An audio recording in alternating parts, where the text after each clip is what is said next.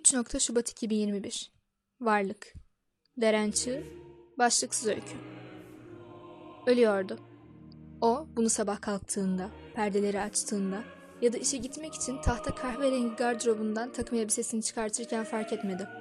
Sabah çayını yudumlarken ve o gün için gazetesini okurken de. Hayır, o öleceğini uzun zamandır biliyordu. Doğarken kulağına fısıldanmış bir ninni gibi Çocukluğunda ona okunan masalların arasında serpiştirilmiş kelimeler kadar açıktı bu tek kelimenin gerçekliği. Herkes doğar, yaşar ve ölürdü. Bu üç kelimenin yer değiştirmesi nadir değildi. Ama sonuç her zaman aynıydı. Ölümü kandıramaz ya da onunla akıl oyunları oynayamazdınız. Denildiği gibi bir gün öleceği zaten belliydi. Sadece bu kadar erken olmasını beklemiyordu. Yalan. Hiçbir zaman ölmeyi beklememişti. O, tarih kitaplarına karışıp insanların akıllarına kazınmayı beklemişti.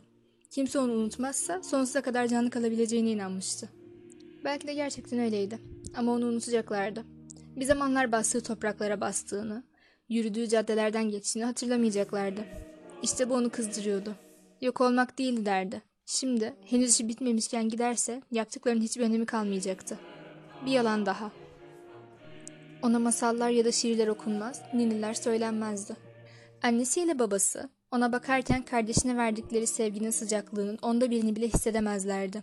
İki kardeş arasında ayrım yapmadıkları konusunda ısrarcıydılar ama görebilen iki göze sahip olan herkes yalan söylediklerini anlardı.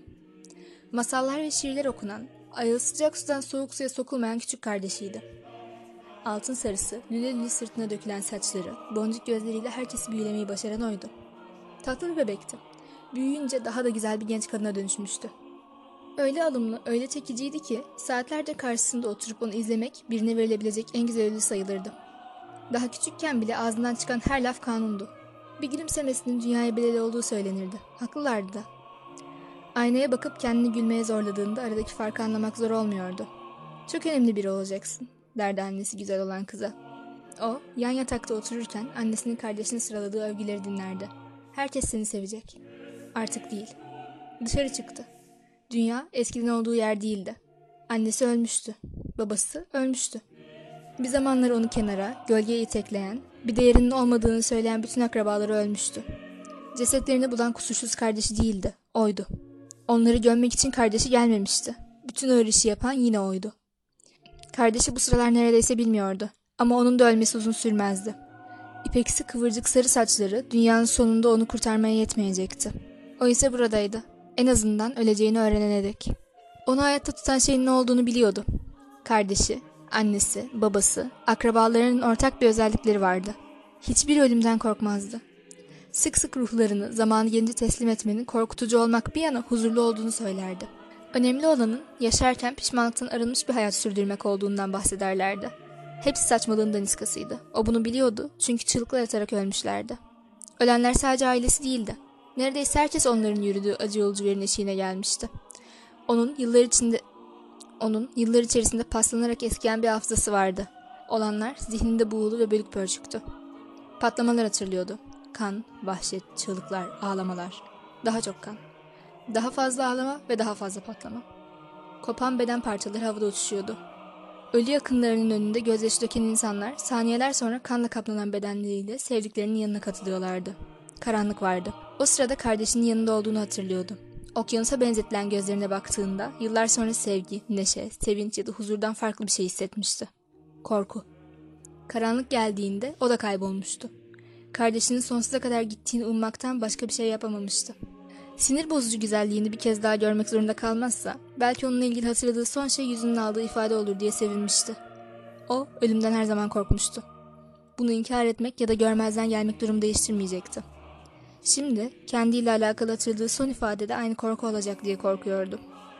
Çünkü burnu ölüm kokusunu iyi tanırdı. Şimdi aynı koku burnunun direklerini kırıyor. Onu en iyi silahına karşı savunmasız bırakıyordu. Böyle olacağını bilmiyordu. Herkes gitse bile o yaşar sanıyordu. Belki de böylesinin daha iyi olacağını düşünmüştü. Sessizlik. Kimseye hesap vermesine, hakaretleri kaldırmasına, omuzlarını düşürmesine, insanların arasında ruh gibi dolaşmasına gerek kalmayan bir kıyamet sonrası senaryosu. Bunun mümkün olmadığını annesi fısıldamıştı ona. Hiçbir şey sonsuz değildir demişti. Sen onlar kadar canlısın. Onlar kadar varsın. Annesi için kullanabileceği sayısız sıfat vardı. Ama yalancı onlardan biri değildi. İçinde, derinlerde bir yerde annesinin doğruyu söylediğini biliyordu. Kardeşi bu yüzden ölmüştü. Tam da bu yüzden verilen hasarı düzeltmek için elinden geleni yaptı. Hayatında ilk defa sokaklarda yürürken gözlerini yerde yatan cesetlerden kaldırdı ve bir zamanlar insanların uğruna şarkılar yazdığı gökyüzüne baktı. Kulakları çınlıyor, nabzı her saniye daha da azalıyordu. Ölen insanların çığlıkları kafatasının içinde yankılanırken gözleri bulanıklaşıyor, yaşlar istemsizce yanaklarından aşağı akıyordu. Elleri, ayakları onu terk ediyordu. Gitmesine az kalmıştı, biliyordu. Sonra işini bıraktı. Kardeşi hep kendi işinin övgüyle bahsederdi. Annesiyle babası arka bahçede yaptıkları barbekülerde kızların başarılarından bahsedip dururken gururla gülümserdi. Bir keresinde nasıl hissettiriyor diye sormuştu kardeşine. Bir fark yaratıyormuşsun gibi demişti dudaklarını büzerek. Dudaklarındaki sırıtış gitmiş, mutlulukla parlayan gözleri kaybolmuştu. Maskesini takmasına gerek yoktu artık belki de. İyi hissettiriyor yardım ettiğini bilmek. O da şimdi yardım ediyordu. Tüm gün etrafta dolaştı. Sayıları tehlikeli ölçüde azalıyordu. Beyindeki çığlıklar devam ediyor, insanlar ölmeye devam ediyordu. Kendi sonlarını getirmişlerdi. Belki de hikayeleri gerçekten de burada, bu şekilde bitmeye mahkumdu. Belki de o, doğanın adaletini geciktirmekten başka bir şey yapmıyordu. Umurunda değildi, yaşamak istiyordu. Devam etti. Elinden geleni yaptı. Bir fark yaratmaya çalıştı. Tıpkı kardeşi gibi. Yüzüne yalandan bir sırıtış eklemeyi, saçını farklı bir şekilde örmeyi denedi. Hala çirkindi, hala yüzüne bakılamaz haldeydi ama en azından onlar bunu görmüyordu. Günlerce, haftalarca uğraştı. Eskiden anne babasının, kardeşinin söylediği gibi kutsal bir görev yapıyormuş gibi hissetmiyordu. Fark yaratıyordu doğru ama kalbi hala kendi bedeni, kendi ruhu dışında bir şey için çarpmıyordu. Çarpması gerekiyor muydu ki? İşini yapması neden yeterli olamıyordu?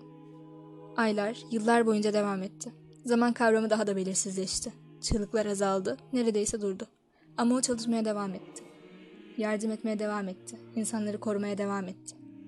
İşler daha iyi olmasa bile daha kötü olmasını engelledi. Bir dakika durup ne yaptığını, yorulduğunu, etrafını düşünmedi. Düşünemezdi. Çok işi vardı. Tek bir adamın ağzından çıkan sözcüğü duyana kadar. Adam yaşlıydı. Etraftaki vahşetten değil ama yaşlılıktan yakında öleceği belliydi. Ama bir şekilde torunlarının, çocuklarının çıkamadığı dünyadan sağ çıkmayı başarmıştı. Onun tarafında baktı. O, insanların onu göremediğinden emindi. Ama bir şekilde adam baktı ve bakışları için delip ruhuna ulaşıyormuş gibi hissetti. Yaşam dedi ona. Bize ikinci bir şans verildi dedi bir kez daha. Bu kelimeler dilden dile, ağızdan ağıza yayıldı. O, insanların gördükleri kadar aptal olmadıklarını düşündü. Ve işte ilk kez o zaman kardeşinin hep gördüğü minnettarlık ve takdir sözcüklerinin ne anlama geldiğini anladı. Yaptıklarının görünmesi anlamına geliyordu. Sevilmek anlamına geliyordu. Koşulsuz değil ama. Bir gün onları yüzüstü bırakana kadar onu sevmeye devam edeceklerdi. Ve hiç yoktan iyiydi. Herkes ona aynı şekilde seslenmeye başladı. Hayır demek istedi. O kardeşimin ismi, benim değil. Ama duyurmaya çalışsa bile sesi çıkmazdı. O da sesini duyurmaya çalışmadı. Beyindeki çığlıklar kaybolursa delirmiş gibi hissedeceğini düşünmüştü hep. Tüm hayatı boyunca orada, beynin arkasındaydılar. Onlar olmadan hayat nasıl olurdu hiç bilmemişti. Giderlerse boşluk kafayı yemesine sebep olurdu elbette. Ama başı aldığı itifatlardan o kadar dönüyordu ki en eski dostları onu temelli terk ettiğinde umursamadı bile. Hiç orada değillermiş gibi davrandı. Yıllar geçti, tehlike bitti. O devam etti. Yaşam vermek almaktan çok daha eğlenceliydi. Yıllar boyunca o somurtup otururken kız kardeşinin kahkahalar içinde gezmesine şaşırmamak gerekirdi. Yaşam verdi, başka bir yere gitti, başka bir yaşam daha verdi.